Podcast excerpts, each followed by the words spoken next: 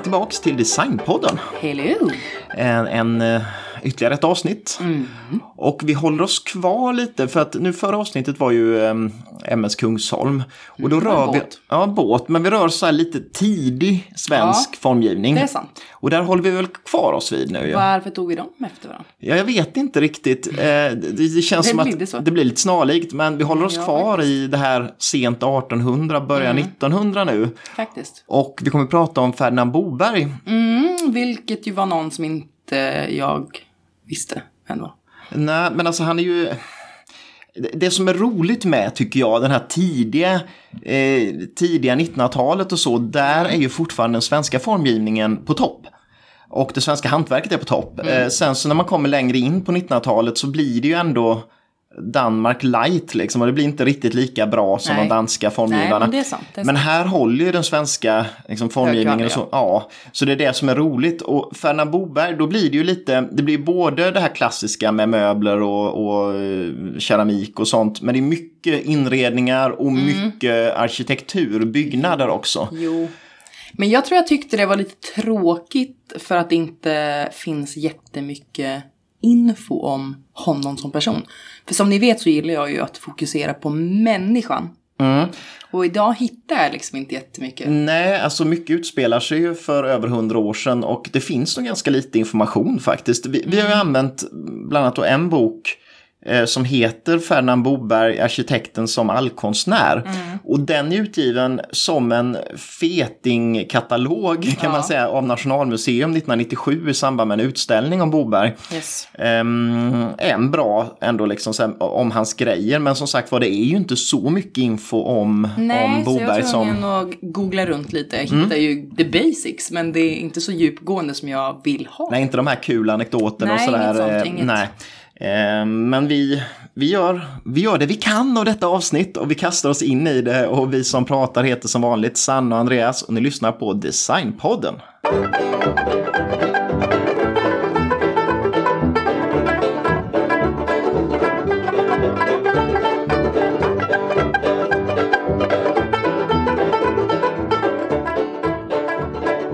Ferdinand Boberg.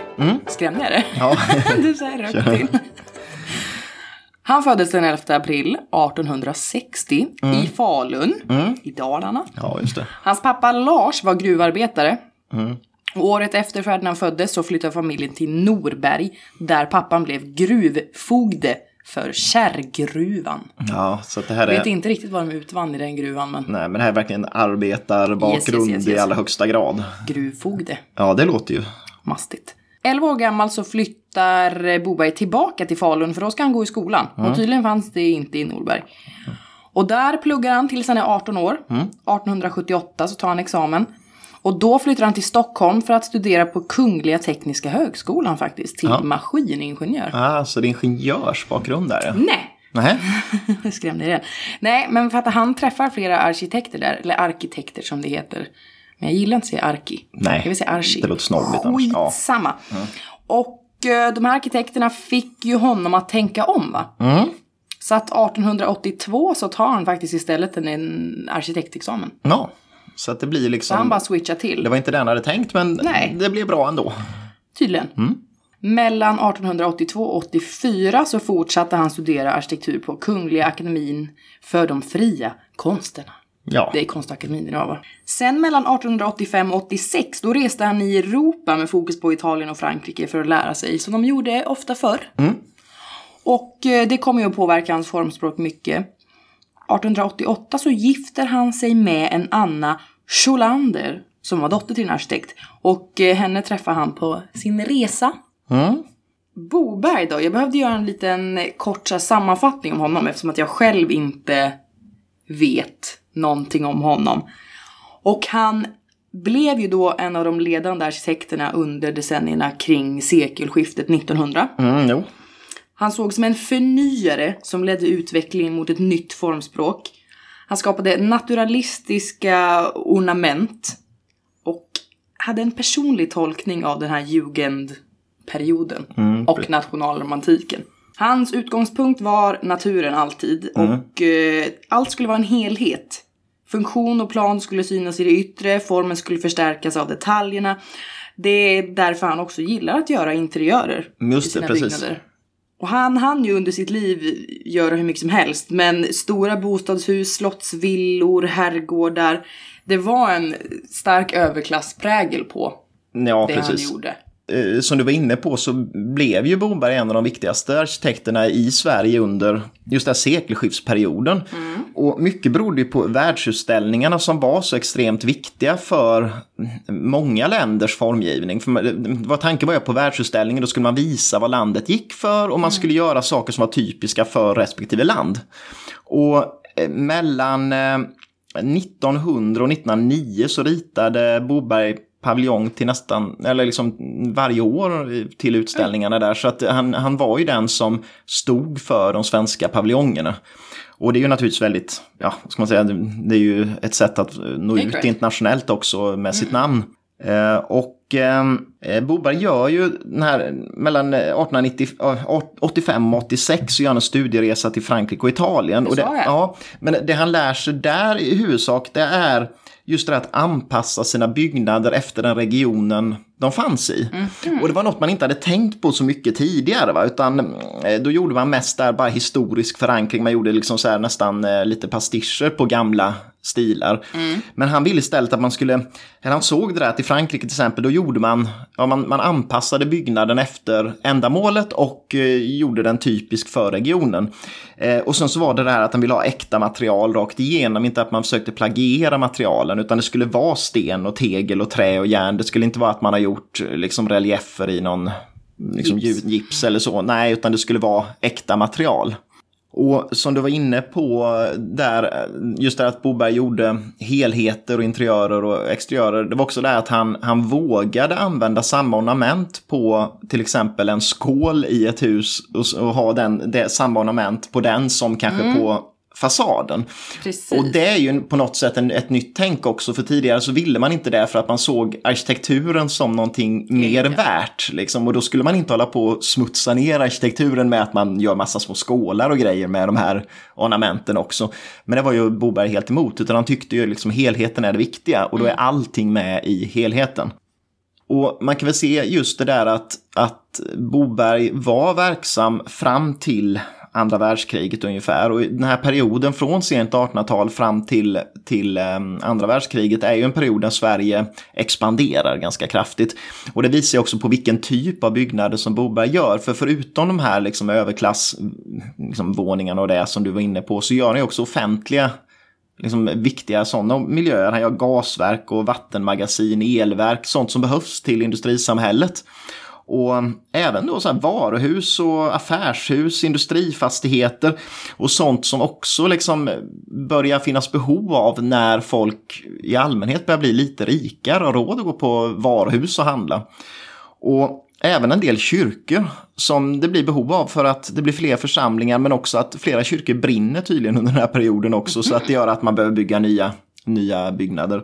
Jag kommer in på det här sen men det man också kan nämna i sammanhanget innan jag går in på vissa specifika hus det är att många av de här byggnaderna finns kvar idag, de flesta till och med och det beror väl mycket på just de här genuina materialen och att, att de är ganska spektakulära så att man inte velat riva dem om man inte behövt riva dem. 1889 är ett sånt där viktigt år för Ferdinand Boberg för att han, han och Anna åker till världsutställningen i Paris. Och Sverige är inte med på den utställningen med en egen paviljong, men det hindrar inte Ferdinand Boberg för att få rita grejer. Faktiskt, han ritade ett eh, fornnordiskt timmerhus för en fransk utställare som av någon anledning ville ha då ett fornnordiskt hus. Så det kan man ju Det är fråga sig. fusk, han ska Ja. inte ha svenskt. Nej, jag vet inte varför, men, men eh, han var med i alla fall. Och det som händer då är att när de är nere på utställningen, då får Boberg veta att han har fått uppdraget att rita nya brandstationen i Gävle. Och den här brandstationen, den eh, kom då till så att två år senare byggdes den 1891. Och det blir Ferdinand Bobergs första stora byggprojekt. Och han byggde den i något man kallar amerikansk stil. Ehm, och det är att det är en stil som eh, förknippas med en amerikansk arkitekt som het, hette då Henry Richardson. Uh, och han byggde hus inspirerade av fransk romansk arkitektur. Så att utseendet på huset blir, det är liksom en tung byggnad i tegel och sten. Och den ser lite ut som en borg nästan. Ja, det gör Eh, Och sen så har den ju då både fyrkantiga och runda torn. Och sen då är det två stenportaler som är så här halvcirkelformade. Där hästvagnarna är då som man drog då, de här hade ju brandmännen på den tiden, de drogs ut genom de portarna. Mm.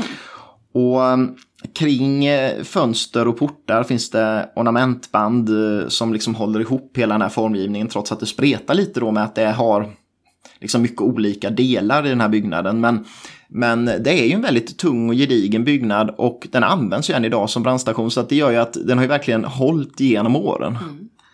Och under samma period så bygger han ytterligare, eller liksom ritar han ytterligare två byggnader i Gävle. Och det är eh, Centralpalatset i Gävle som kom till 1891 till 93. Och ett centralpalats det är väl egentligen dåtidens galleria nästan på något sätt om man kan säga. För att det var ju liksom ett kvartershus och det var ett helt kvarter det byggdes på. Fyra våningar. Och grundformen var lite liknande som brandstationen. Men eh, den var väl lite enklare kanske i och med att ehm, storleken var väl större också då på det här sättet. Och i det här huset då skulle man ha både bank, man skulle ha butiker, restauranger, kontor och sen även privatbostäder. Och skulle finnas plats också för ett salutorg där inne. Så att det var en ah. sån gigantisk eh, mm. samlingsplats för folk egentligen. Och ehm, eh, han använde just det här, tonen återkom där, men även de här halvcirkelformade eh, liksom, portarna in. Och sen också förutom det så ritade han då 1893 gasklockan och eh, gasverksbyggnaderna i Gävle. Mm. Och det är också en sån byggnad som kom till på grund av att man behöver gasverk och sånt när industrin sätter igång och städerna växer fram. Så att i Gävle så hade han sin liksom start. Och då använde han alltså den här amerikanska stilen då som en, liksom en inspirationskälla när han ritade byggnaderna i Gävle. Mm. Men han hade inte besökt USA. Utan det gör han då 1893. Och då har han ju redan ritat alla de tre husen. Men 1893 då till slut så besöker Boberg Columbia-utställningen i Chicago. Och då passar han på att besöka bland annat arkitekterna Louise Sullivan och eh, Henry Cobb som var efterföljare till den här Richardson som hade kommit upp med den här, eller kommit på den här eh, att man skulle använda de här ro romanska, nej men att man gick till den här romanska stilen fan, i, man kan byggandet. Man kan en amerikan cred för det. Nej men hur man utformar det lite eh, får man ändå säga. Ah. Och eh, han lärde sig mer om ornamentens betydelse för att eh, tidigare så hade man gjort mycket att man, man använde bara antikiserande ornament liksom. Men här skulle ornamenten ha betydelse för byggnaden i sig eller för regionen i sig till exempel. Va? Och det återkommer till hur han tar upp det i sina hus. Men eh, och, och det, resultatet blev ju, det var ju någon form av nyklassicism, men sen som jag säger lite nästan surrealistiska och naiva inslag mm. i det. Mm. Och då tänkte jag komma in på då några hus i Stockholm bland annat som han har eh, ritat. Shoot. Och det är Stockholms elverk 1892 som byggdes på Regeringsgatan. Och där eh, Alltså det är ju strax efter att brandstationen i Gävle har byggts. Så att formspråket är mycket snarlikt igen då va. Men det han gör är att ornamenten på huset inspireras av elektricitet. Ah. Så att bland annat runt porten så är det stiliserade glödlampor i ornamenten istället alltså. för de här klassiserande grejerna då. Va? Och sen så fanns det minnestavlor över uppfinnare när det gällde elektriciteten och så var det lagerkransar kring dem. Så det var liksom både antikiserande awesome. men med det här moderna inslaget då för att vara så tidigt. Eh, den byggnaden har rivits dock 1960, men porten lär finnas kvar på Tulegatan 11 så man ska kunna kika på den där. Så de behöll vissa, liksom, mm. ja. Mm. Men sen byggde han också ett, eller ritade han också ett annat hus i Stockholm eh, som byggdes 1897 till 1904, så det var ett ganska stort projekt som byggdes under många år. Och det är Centralposthuset. Och eh, liksom postens huvudkontor måste det ju varit. Och grejen är att eh, alltså det huset var, det kom till så att han vann en arkitekttävling helt enkelt. Och det var så ofta gick till när det var de här stora ja, offentliga projekten. Mm. Och det också var en fyravåningsbyggnad så att fyra våningar verkar vara ganska standard på många av dem där. Och den känns alltså, mycket mon alltså, monumental i sitt utförande, också i tegel och sten så att det är så här gedigen tung byggnad. Och eh, det som är viktigast på den var kanske ett rektangulärt klocktorn och sen så en treporten som är väldigt spektakulär om man säger. Och, eh, ornamenten på det här huset är skuret i sandsten monterat. Så att det är också så här, istället för gipsgrejer så är det sten rakt igenom. Och motiven är ju väldigt, de är liksom, eh, det är trägrenar eh, och sen så är det möss, ödlor, fåglar som är inblandat i det här. Men sen kommer de här postinslagen också ja. då. För då har vi eh, Stockholms stadsvapen som ska vara med. Det ska vara porträtt av Oscar II och Kristina då ja. i och med att det är så Kungliga postverket. Yes. Eh, men sen, då är det runt dörrposterna på porten så är det dels en, en siluett av Stockholm och över den så flyger det brevduvor. Och man kan nämna här att just för att återkoppla till det här att, att man återser eh, de här ornamenten på andra föremål också, inte bara på husen.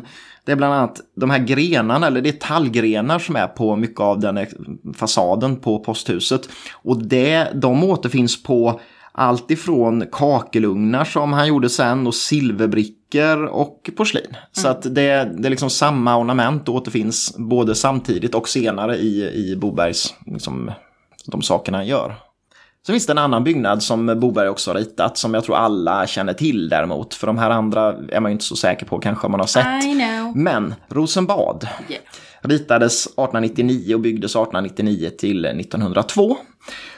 Och det där grundade sig på att eh, inspirerad av eh, Medelhavsländerna så hade Boberg redan 1895 ritat eh, förslag till ny riksbank och till eh, Helgeandsholmen.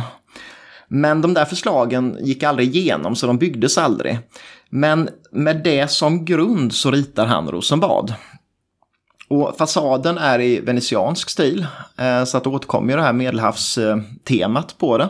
Ljus fasad också, det var tanken att få det att kännas lätt när det låg nere vid vattnet. Det skulle kännas som det liksom svävade på vattnet nästan. Mm, den är ganska ljus när man tänker på det. Okay. Den är liksom, om man säger fasaden ut mot vattnet är vertikalt indelad i fyra lika stora element så här. Och man ser dem bland annat uppe på taket så ser man tydligt i tonformationer där uppe att det är fyra sektioner. Och det är ju det som Boberg jobbade mycket med, att ha det så här logiskt indelat efter olika delar av, av interiören också. Och eh, något som är värt att nämna verkligen, det är porten mot Drottninggatan. Den var ursprungligen in till Nordiska kreditbanken som låg där. Mm -hmm. Och eh, dekoren är penningpungar, girlanger av mynt och sen så är det rosor och sen så puttis, så, eh, små änglabarn som vaktar eh, de här pengarna. Så att det gjordes ju också då för att det var en bank där inne och då så skulle det vara liksom ornament som inspireras oh. av banken. Och eh, sen också, han hade inspirerats mycket av de amerikanska formgivarna här för de använder mycket eh, så här, marina eller fiskmotiv och sånt. Och det är det också kapitelen bland annat på de här eh, pelare och sånt är eh, inspirerade av havet så att det är fiskar i huvudsak. Eh, och ursprungligen var ju inte, idag är ju Rosenbad regeringskansli, men det var det inte då. Utan det var också tänkt som ett centralpalats i Stockholm, så att det innehöll bank, kontor, bostäder, kaféer och sånt. Så att det var inte, mm. det var liksom en sån samlingsplats också mm. för folk. Och så måste vi komma in på ytterligare en byggnad också som är väldigt välkänd. Och det är prins Eugens Valdemars udde yes. som byggdes 1903 till 1905. Och eh, orsaken till att Boberg fick bygga prins Eugens hem var väl i huvudsak att han var vän med eh, prinsen. På det personliga planet liksom. Så att då litade prinsen på att Boberg skulle kunna rita huset. Och prinsen hade egentligen två krav med det här projektet. Och det var att dels det skulle vara liksom en så pass estetisk miljö att hans egen konstnärskap skulle kunna inspireras ah. av det. Men också då att det skulle vara ett funktionellt hem som funkade till stora representationer och sånt som man också kan tänkas ha om man är medlem i kungafamiljen. Det är ganska stora krav. Ja, det är rätt stora krav. Och Boberg var ju tvungen att hålla på, föra dialog med eh, prins Eugen för att se liksom, så att man kom fram till något som båda var nöjda med. Och Boberg själv till exempel ville från början att byggnaden skulle liksom kännas som att den växte fram ur klippan så att den skulle vara väldigt högt belägen och att den skulle liksom vara kaxig. Men det ville inte prinsen utan han ville, han ville istället att man skulle inspireras av de här mm, byarna i italienska bergen som man hade sett där man ofta bygger liksom i sluttningarna upp till exempel då husen. Mm. Och de inte är riktigt lika ögonfallande. Så att det blev ju en sån placering så att det, eh, huset står ju på en udde liksom ner mot vattnet mer än vad Boberg hade tänkt då. Och eh, utsikten är över inloppet till Stockholms hamn. Och den är ju, det är ju inte bara ett hus utan det är ju dels huset som Boberg ritar men sen finns det många äldre 1700-talsbyggnader runt omkring och de behölls ju för att personal skulle kunna bo där och man skulle ha ateljé och så vidare där. Och eh, byggnadens norra sida vetter mot, mot en vik bakom medan eh, den, eh, liksom, och den är, ja, den är inte så, det är inte den som är tänkt som liksom liksom den man ska se egentligen. Så därför finns det inte så mycket ornament eller liknande på den sidan, baksidan då, utan där, där är det mest prinsens vapensköld egentligen som är ornamentiken på väggen. Men södra fasaden vetter ju mot vattnet och där är det ju desto mer. Det är ju en upphöjd terrass, eh, en balkong och ett eh, blomsterrum där man skulle kunna ha blommor året om i. Så man fick liksom en trädgård. Man kunde leva med blommorna mm på något sätt. Eh, ja. Och det finns mycket ornament på de väggarna. Det finns bland annat zodiaken med eh, liksom, dels tecknena men också vindar ingjort och det är stjärntecken. Och Boberg var väldigt intresserad av astronomi så att det återkommer ofta i hans, eh, eh, hans byggnader och eh, föremål. Um, och det man kan säga om Valdemarsudde är väl också att det som är ganska typiskt för byggnaden är att fönstren är asymmetriskt placerade. Nej. Och det beror på att han, vill, han struntade i liksom Alltså tanken var att fönstren skulle placeras utifrån hur rummen såg ut invändigt. Ah. Så att man ska se liksom rumsindelningen utifrån fönstren och inte tvärtom då. Va? Och så tänkte jag bara komma in också slutligen när det gäller arkitekturen på hans eh, kyrkor. Ja. Eh, som också, som jag nämnde där, att han har faktiskt ritat några stycken. Och eh, det, han började rita kyrkor tidigt i karriären men de här blev inte byggda först utan det verkar som att han har ritat mycket men ja det är väl säkert så att som arkitekt man får inte alla projekt utan man får slita sig till dem man får. Men det första är Alnö kyrka som eh, Boberg ritar och den, den byggs mellan 1890 till eh, 96. Och den är ganska traditionell eh, långhuskyrka så att den är ju inte så spektakulär egentligen men eh, hans första liksom, kyrkliga byggnad. Sen ritar han också eh, Skagershults kyrka i Örebro mm -hmm. 1896. Och den byggdes alltså av gamla material från en nedbrunnen kyrka bland Nej, annat. Sen har vi brunnit kyrkan på samma ställe och då tyckte man det var kul att behålla sin, liksom, så att det är ju, liksom, den fick leva vidare i alla fall. Och sen eh, ritade han också ett begravningskapell i Norberg. Men det som sen eh, Boberg blir känd för och det man kommer ihåg idag om man säger när det gäller hans kyrkor. Den finns väl ändå idag? Ja, precis. Eh, och den, den kyrkan det är ju en Stockholmskyrka och den har sitt grund redan 1905. Det är en bra stund innan den byggs. Men det som händer är att bankman Knut Wallenberg eh, ville att Boberg skulle rita en kyrka med en krypta för honom och hans maka. Så det är ett ganska så här kaxigt projekt. Mm. Så att jag vill ha en kyrka och en krypta där vi kan begravas. Såklart. Eh, och Boberg ritar en stenkyrka som ska ligga på en klippa ute vid vattnet. Eh, men det här projektet läggs ner och jag vet inte varför. Eh, han var inte jättegammal så jag vet inte om, om han inte tyckte sen att man skulle lägga så mycket pengar på hans begravning då redan vid det tillfället. Men 1910, fem år senare, så kontaktas Wallenberg, kontaktar Wallenberg igen Boberg och säger att ja, men jag vill ha en kyrka nu. Nu, nu, nu har jag ändrat mig, nu vill jag ha en kyrka. Men den måste vara klar till min födelsedag 1913. Och det är ett ganska tajt projekt för det är tre år på sig att bygga en kyrka och eh, rita den och göra liksom allting från grunden. Så att han använde samma ritning som han hade gjort redan 1905. För att det förenklar givetvis. Men den kyrkan ritade 1905 då, det var ju en stenkyrka. Nu gör han om det till en tegelkyrka istället. Och det är förmodligen mer ekonomiskt lönsamt liksom och lättare att bygga då. Men i övrigt är den liksom kvar som den eh, var tänkt. Och eh, det är en blandning av nationalromantik och jugend i stilen. Och det är ganska ovanligt faktiskt att man blandar både nationalromantik och jugend i samma liksom, byggnad. Mm. Men det är gjort där. Och eh, det är en fasad i tegel då och teglet kom från Helsingborg så att det är svenskt rakt igenom. Och eh, den står på en sluttande sockel som är huggen i granit. Så att det är också gedigna material. Men om man säger den yttre fasaden är inte så väldigt spektakulär utan det, det, det, det finns lite dekor, det finns eh, utskjutande stenar som bildar stjärnbilder bland annat. Eh, Vad men, det med Jesus? Ja, ja det, inte så mycket. men, men annars så har den en ganska sparsamt yttre. Va? Mm -hmm. eh, det som man kan tänka på som är lite roligare där det är eh, Portarna gjordes av Carl Milles eh, och de göts i brons. Och de är inspirerade av eh, medeltida portar. Men det som är lite kul med dem det är att eh, den högra porten skildrar då livets glädje och tröst och den vänstra livets elände och olycka. Nej. Så att det är så här... Vad är det ja. på dem? Ja, jag vet inte riktigt. Jag kollar på någon bild där. Jag har inte varit... Det är ju då Uppenbarelsekyrkan i Saltsjöbaden vi pratar om här. Det har jag inte sagt. Men Uppenbarelsekyrkan i Saltsjöbaden blir det här projektet som eh, Knut Wallenberg initierar.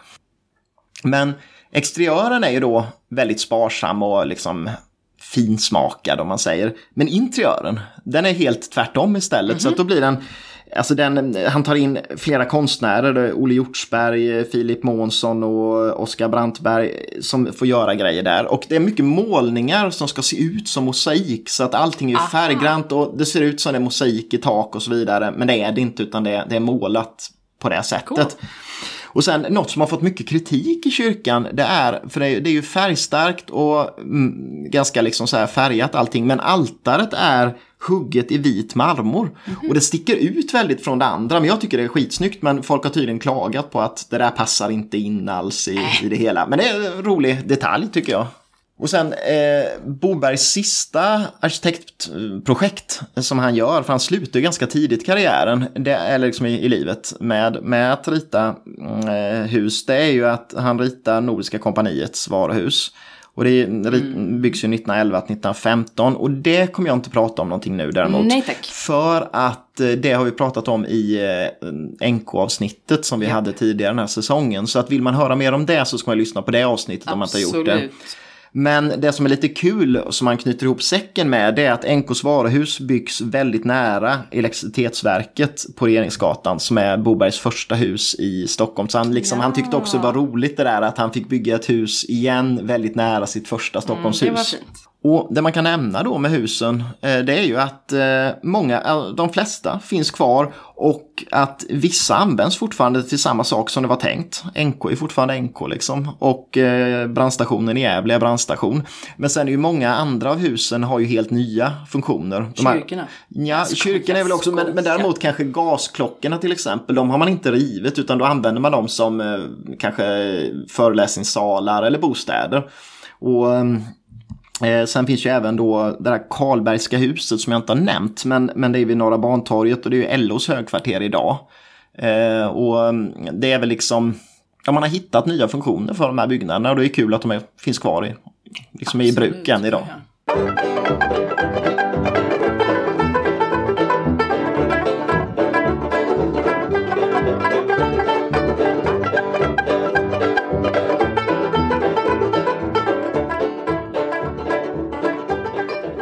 Bobergs mindre kända sida då, som inredningskonstnär eller vad man Ja. ska kalla det. Det finns det ju faktiskt bara ett fåtal bevis kvar på idag. I alla fall i fysisk form. Just det. Men vi ska gå in på det ändå för att det är väldigt spännande. Och han ansåg ju då, det här har vi redan snackat lite om, men att en byggnads inre bör svara mot det yttre och tvärtom. Precis. Och han hade då en stor känsla för detaljer som det där som du har tagit upp med ödlor och små liksom, det är ju helt sjukt egentligen. Ja, att de är en liten ödla som springer på fasaden och sådär. Ja, det är helt galet. Han brydde sig ju om stuckaturer, dörrar, paneler, öppna spisar. Allting helt enkelt. Lite som på Kungsholm att man brydde sig om varenda detalj.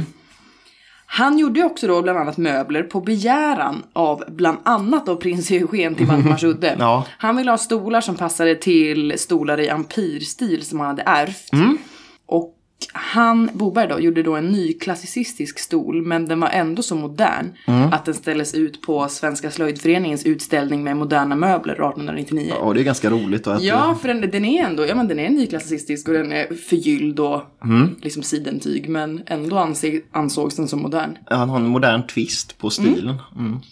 Så det tycker jag var lite coolt. 1897 så vinner han tävlingen att få formge den svenska paviljongen till världsutställningen i Paris tre år senare. Just det. Hans plan, eller hans plan, det är väl syftet jämt, men att visa någonting som karaktäriserar Sverige och det svenska folket. Ja, Och i och med det då så bestämde han sig för att kombinera gammalt och nytt. Det här gedigna traditionella hantverket med exklusiv modern inredning. Och ett rum i paviljongen som kallas kungarummet. eh, ska jag fokusera på. Och det var tydligen avsett för besök av furstar och andra framstående personer. Jag vet inte hur många det var. Som kom dit, Fick men- man inte gå in om man inte var Fick man kika Ja, det vet jag faktiskt inte. Men syftet var ju då att visa att svenska produkter inte stod efter några andra när det gällde överdåd och lyx. Rummet var kvadratiskt med en liten kupol och det liknade liksom ett mausoleum typ. Kaxigt bara det. Och rummet bestod av bland annat aprikosfärgade väggpaneler och så klädda stolar i ljusgult. En öppen spis i purpurröd porfyr. Och så gobelänger i blått och grönt som hans fru Anna varit med och eh, gjort faktiskt. Det kommer jag in på lite senare. Och sen efter världsutställningen då skänktes den här inredningen till Nordiska museet. Och faktiskt så återuppförde de det här rummet i museet. Ja, Men det kallades då Oscar den andres rum och det var ju då inte identiskt uppenbarligen för det var ett helt annat rum. Lite andra saker, liksom ja, det har tillkommit och försvunnit försvunnit, ja. men i princip detsamma. Fler saker i det här rummet då, det var ett stort mahognyskåp och eh, förgyllda stolar, de som hade den här ljusgula tyget. Ja, alltså. Och de var också så här moderna fast klassiska samtidigt. Det var en modern strömlinjeform och genombruten geometrisk rygg men den såg ändå traditionell ut. Det är faktiskt ganska coolt. ja. En förgylld spegel fanns med relief som liknade en vas med rosor. Och andra möbler var bland annat några bord och sånt där men det var, de andra möblerna var i mörk mahogny. Mm. Så det var mörkare grejer. Boberg hade också ett nära samarbete med Josef Sachs på NK. Som du lite har varit inne och nosat på. Ja, Och de samarbetade bland annat på NKs deltagande i konstindustriutställningen på Djurgården 1909. just det. Istället för en stor utställningshall gjorde Boberg en serie av mindre sammanhängande rum. Som i en privat bostad helt enkelt. Ja. Och de var grupperade kring en, en öppen planerad trädgård. Och där in och ute skulle samspela. Allt skulle samspela. Det här kom då att kallas för Bobergrummet. Och de möbler han ritat hit, det tillverkades ju då av NKs verkstäder.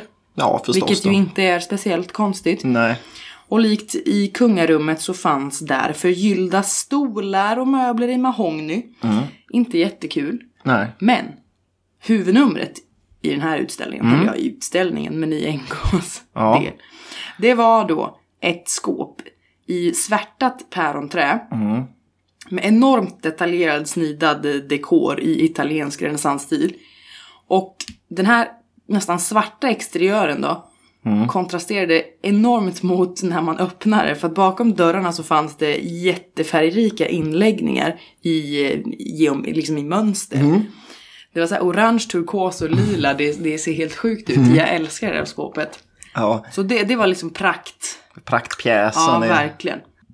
Det kom in lite på Ferdinands fru Anna också. för Ja, det tycker hon, jag. hon var faktiskt med väldigt mycket. Hon var också konstnär, eller var också konstnär, hon var konstnär. Och eh, hon deltog ju nästan jämt i Ferdinands projekt. Och i, båda kunga, i både kungarummet och Bobergrummet så hjälpte hon till med inredningen. Hon ritade mönster till tyger. Och i synnerhet så ritade hon gobelänger som pryddde väggarna. För det var det väldigt, väldigt, väldigt ofta. Ja. De här gobelängerna hade då ofta naturalistiska motiv och liknande lite fransk art nouveau. ja, precis. Det är ju det som är så oerhört typiskt för den här tiden, verkligen. Precis. Och hon var så här lite all mångsysslare för hon var tydligen formgivare på Reimyr glasbruk en tid också. Hon har ritat en eh, vas som Rörstrand gjorde som heter Påfågelvasen. Hon var också duktig akvarellmålare. Hon, gjorde, hon var duktig på allting. Precis. Och eh, det är alldeles sant. Jag, nu börjar jag känna mer och mer att vi ska nog kalla det här, för jag har en hel del eh, andra grejer som kommer eh, här också. Så att vi ska nog kalla avsnittet Ferdinand och Hanna Boberg. För att det blir så det. eh, jäkla typiskt att man bara nämner honom. Trots att Jag hon vet, är jag lika involverad i alla projekten. Så att Men jag har tror ingen vi gör så. background info om henne. Nej, vi skiter i det. Nej, för att de, hemskt. de, de lever ju tillsammans eh, typ hela livet. Och eh, det gör ju Det att... betyder inte att man är samma människa. Nej, men de var ju nästan samma människa verkar det som. De var med i samma projekt hela tiden och så Jo. vidare. Så att, eh, jag, jag tror att vi, vi gör det va, nästan. Vi gör det. Ja, vi gör det.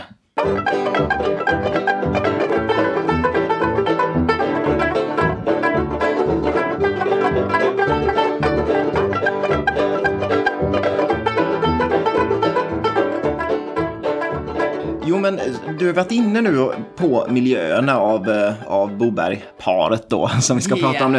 Eh, för det är mer sant. Och eh, jag tänkte jag skulle djupdyka lite mer på de här olika kategorierna. Eh, och en del eh, har ju du snuddat vid redan innan, men jag tänkte börja lite på möbler av, av Ferdinand Boberg blir det då. Och man kan säga att det var på Stockholmsutställningen 1897 eh, som eh, både Ferdinand och Anna egentligen uppmärksammades stort för första gången när det gällde konsthantverk.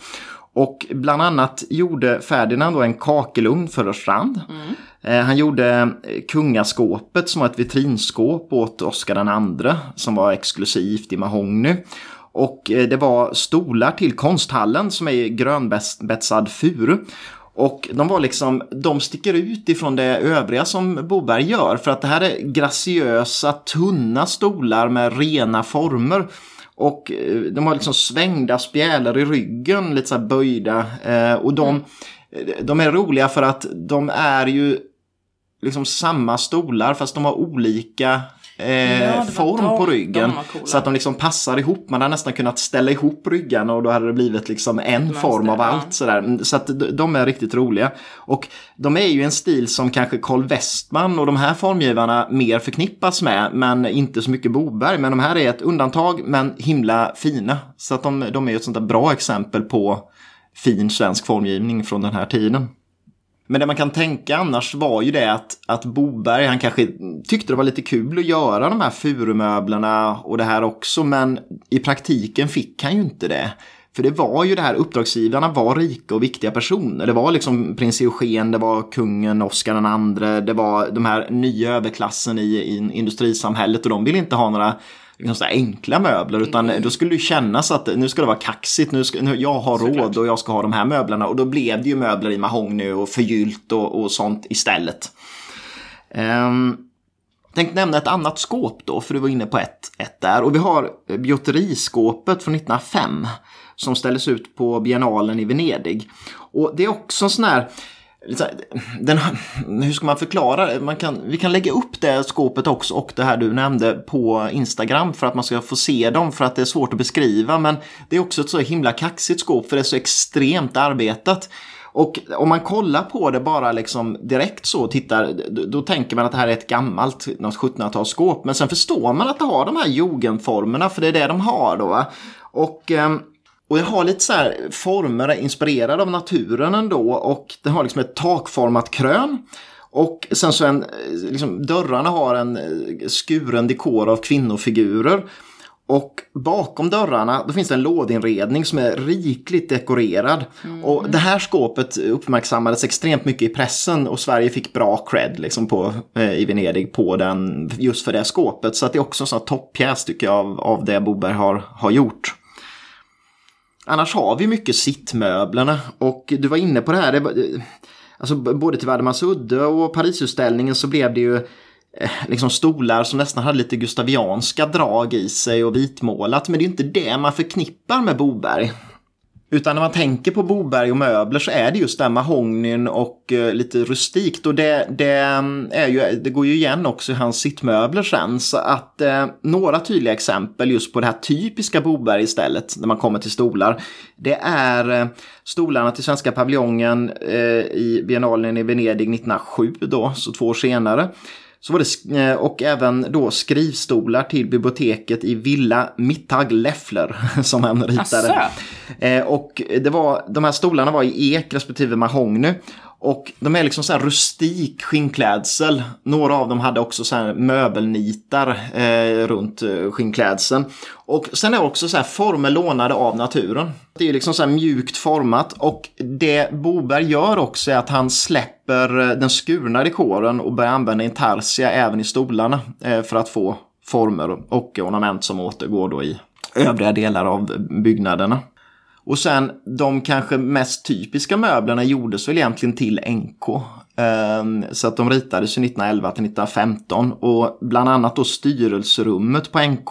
Det är ju ett det är ju ett verkligt gubbastyrelserum får Ja, man ju lov att säga. För att det är tunga möbler, mörka möbler i mahogny och brunt skinn. Eh, klassicerande bord med kolonnben och det är stolar med sammankopplade ben och så vidare. Va? Så att det är ett, ett mörkt, tungt eh, styrelserum. Nästan så här som man tänker sig ett styrelserum. Ja, Ska sitta och röka och supa Ja. i? Och sen- horor. ja Nej, typ. Och sen då, Josef Sachs arbetsrum ritar ju möblerna till också. Och där gör han en väldigt fin eh, arbetsstol som är värd att nämna också. Det är en arbetsstol med karmar. Eh, görs i mahogny, men sen så är rygg och sidor i rotting. Och den har också nästan som gustavianska ben, men sen så i övrigt så har den jugendformer på armstöd och, och resten av liksom sitt, sittytan. Så ritar den även matsalen på fjärde våningen på NK, men den är ju ett tydligt exempel också på där, där Boberg har anpassat sig efter uppdragsgivarens eh, önskemål. Så att det är ju liksom stolar i gulpolerad masubjörk och bord till det. Men allt i något som hette Hepplewhite-stil, som är en engelsk eh, sent 1700-talsstil. Som är eh, nästan samtida med Chippendale lite, men, men det, är, det är en... Eh, ja, om, om man har sett stolarna har man sett modellen väldigt mycket tidigare, så då gör han egentligen sånt helt efter gammal stil där, för det var väl det man önskade egentligen. Och sen tänkte jag släppa möbler och gå in på belysning lite. Och eh, som, alltså Boberg ritar ju allt till sina inredningar, så ritar han ju även eh, lampor. Och elbelysningen började ju komma ordentligt under hans eh, tidiga period. Så att bland annat då för posthuset som jag pratade om, då gjorde han eh, glasklot som var monterade direkt på taket i mässingshållare. Och det var klart glas med facettslipad dekor som var ganska typiskt för tiden men ändå tidigt för att vara den typen av lampor. Till Valdemarsudde då ritade han lite mer exklusiva lampor så var det droppformade glasskärmar istället i opalfärgat glas. Så att eh, ja, skulle väl passa bra ihop med övrig inredning. Men det man kan nämna är ju att när det gäller belysning så såg Ferdinand Boberg glödlampan som ett dekorativt inslag snarare än något man skulle dölja som det blev senare. Så att eh, det var inte bara att han visade glödlampor runt den här porten in till elverket utan det var även att glödlamporna fick synas i hans lampor. Den går vidare med textilier av Boberg och det är ju både Anna och Ferdinand som, eh, som var aktiva när det gällde att göra textilier. Och ehm, ja, Anna hade ritat de här eh, gobelängerna till, eh, till och möbeltygerna till Parisutställningen 1900 då. Som du redan varit inne på. Men eh, de, de fortsatte också efter det att göra eh, broderier och eh, vävnader på Tyra Grafströms ateljé på Nordiska kompaniet. Så att det är också en koppling till NK där när de gör textilier. Och till posthuset så gjorde bland annat Ferdinand gardinkappor i eh, liksom ett geometriskt blommönster. Eh, gjorde inte så jättemycket annars brukstextilier men där, till posthuset gjorde han eh, eh, gardiner och, och den typen av textilier. Ehm, Det som anses som paret Ferdinand och Annas eh, viktigaste textila eh, vävnader var en gobeläng som hette eh, begravning i, Le- begravnings, nej, begravning i Leksand heter den bara. Eh, Och den gjordes till Bobergrummet på, på utställningen 1909 i Stockholm. Precis, därför jag har läst mer.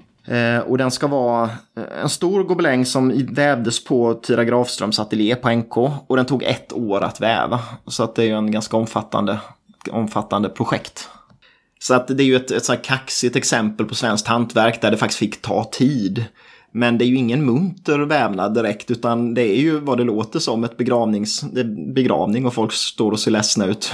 Ganska mörk. Eh, tydligen idag så är den väldigt blekt så att den, var, den görs inte rätta längre när man tittar på den men, men den är ju ganska dyster i sig. Och sen tänkte jag också nämna att, att keramik eh, gjorde ju både Ferdinand och Anna också. Och eh, mycket av keramiken under den här perioden det var ju antingen eh, liksom projekt, alltså till projekten eller till de stora utställningarna. För på Stockholmsutställningen 1897 så uppmärksammades ju Rörstrand och Gustavsbergs jugendkeramik men då var det ju Gunnar Wennerberg och Alf Wallander som gjorde mycket av den keramiken under perioden. Men Anna Boberg fick faktiskt vara med där och visa upp saker hon hade gjort för Rörstrand också så att det blir också en ingång till henne att få göra mer keramik. Och hon gör ju den här påfågelvasen som du nämnde. Och jag tycker den är värd att, att nämna lite mm. mer för den är verkligen väldigt praktfull. Den är ju, liksom krönet på vasen är påfåglar och sen så bildar eh, liksom deras stjärtar hela vaskroppen om man säger mm. då. Va? Och den gjordes i två varianter. Dels en eh, som var flerfärgad, liksom så här, med massa färger på. Som en och, Ja, och sen så en turkos som var helt turkos. Och eh, de här visades, den turkosa visades 1897 då på utställningen i Stockholm och den färgade visades 1900 i Paris på världsutställningen. Så att det är ju jäkligt kaxigt att få göra en sån här paradvas för Rörstrand. Eh, och Ferdinand Boberg inriktade sig på kakelugnar mycket. Eh, han tyckte att det var en sån viktig del av inredningen. Men han han gjorde vita kakelugnar och det ansågs som revolutionärt. Och det är ju lite konstigt för idag tänker man en kakelugn som vit. Mm. Men om man tänker på kakelugnar under sent 1800-tal då var de ju ofta de här gröna eller väldigt färgade kakelugnar. Jag var inte med. Nej, men den perioden var det mycket sådana kakelugnar med kraftiga färger och då vill han återgå istället till vitt kakel men då att han bland annat hade de här tallgrenarna som dekor i relief istället. Och det är det som skapar mönstret men inte massa kraftiga färger. Och makarna Boberg de gör keramik till alla de stora världsutställningarna egentligen under den här tiden. Och keramiken görs både på Gustavsberg och Rörstrand. Så det är ju värt att nämna. Och stilen i regel är ju typisk jugend. Det, det gäller ju även för den där påfågelvasen. Och det här är liksom motiv från naturen med böljande mm. former och, och, det kan vara ödlor eller fåglar. Men det är liksom ja, mycket den typen av, av inspiration.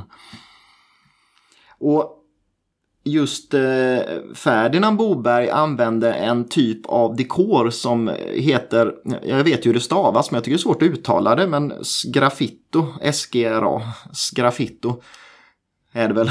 och, det är. Eh, och det är Gunnar Wennerberg på Gustavsberg som har lanserat den 1900. Men där går det till så att man ristar, man har liksom två lager av dekor och sen så ristar man i överlagret för att skapa mönstret så att underdekoren, eller liksom underglasyren syns igenom. Och det var en, en typ av eh, dekor som han också valde att använda sig av när han jobbade. Och sen kom vi då till Baltiska utställningen i Malmö 1914. Och det, blir, ja men det, det är Bobergs sista stora utställning. Och eh, han gör eh, keramik dit. Och eh, bland annat tre eh, terrasskrukor för Gustavsberg så att det är dessa större, eh, större grejer. Men sen också en åttkantig gård för Östrand som var helt keramik. Då, ja, en hel gård. Så var, i mitten var det en fontän och sen så var det väggar och krukor och allting var eh, gjort av, av Rörstrand och det var i, i keramik och kakel. Och det man kan se här är väl lite att jugendformerna börjar försvinna och det börjar bli mer geometriskt och det börjar smyga sig in på 20-talsklassicismen redan här. Men Ferdinand Boberg kommer ju aldrig att komma in riktigt på klassicism, alltså den nya klassicismen på 20-talet av den anledningen att han lägger ju av som formgivare innan den hinner börja blomstra i Sverige. Men han hinner ändå börja lite liksom söka sig in på det spåret. Och man kan väl säga att Baltiska utställningen var slutet för jugend i, i Sverige. Så mm. jugendperioden sägs vara ungefär mellan 1897 och 1914 i Sverige egentligen. Och sen avslutningsvis om konsthantverket så ska jag nämna också glaset för att du var inne på det att, att Anna Boberg gjorde glas för Reimyre och det gjorde Ferdinand också. Och de gjorde eh, Alltså Anna gjorde under en väldigt kort period någon gång mellan 1902 till 1903 och det finns bara fem kända verk som hon har gjort. Sen gjorde hon ju givetvis fler men som inte är bevarade. Eh, Ferdinand gjorde lite mer. Han, det finns dokumenterade verk ända fram till 1907 men det är inte heller mer än ett fåtal. Men man kan säga att de var inspirerade av Emile Gallet, eh, den franska eh, glaskonstnären. Så att eh, hans, hans glas var någon form av liksom lite förebild till de verken de gör. Och det är ju dekor också hämtat mycket från, från eh, naturen men i huvudsak från havet där så att det är fiskar, krabbor, maneter, alger på, på eh, Bobergs eh, glas. Och eh, utöver det så var det givetvis då de här ja, belysningsarmaturerna, lampkuporna i glas som, som också gjordes och de lär väl också gjorts på Reimyre kan jag tänka mig. Ja, och det var det vi hade om Ferdinand Boberg och Anna Boberg. Mm.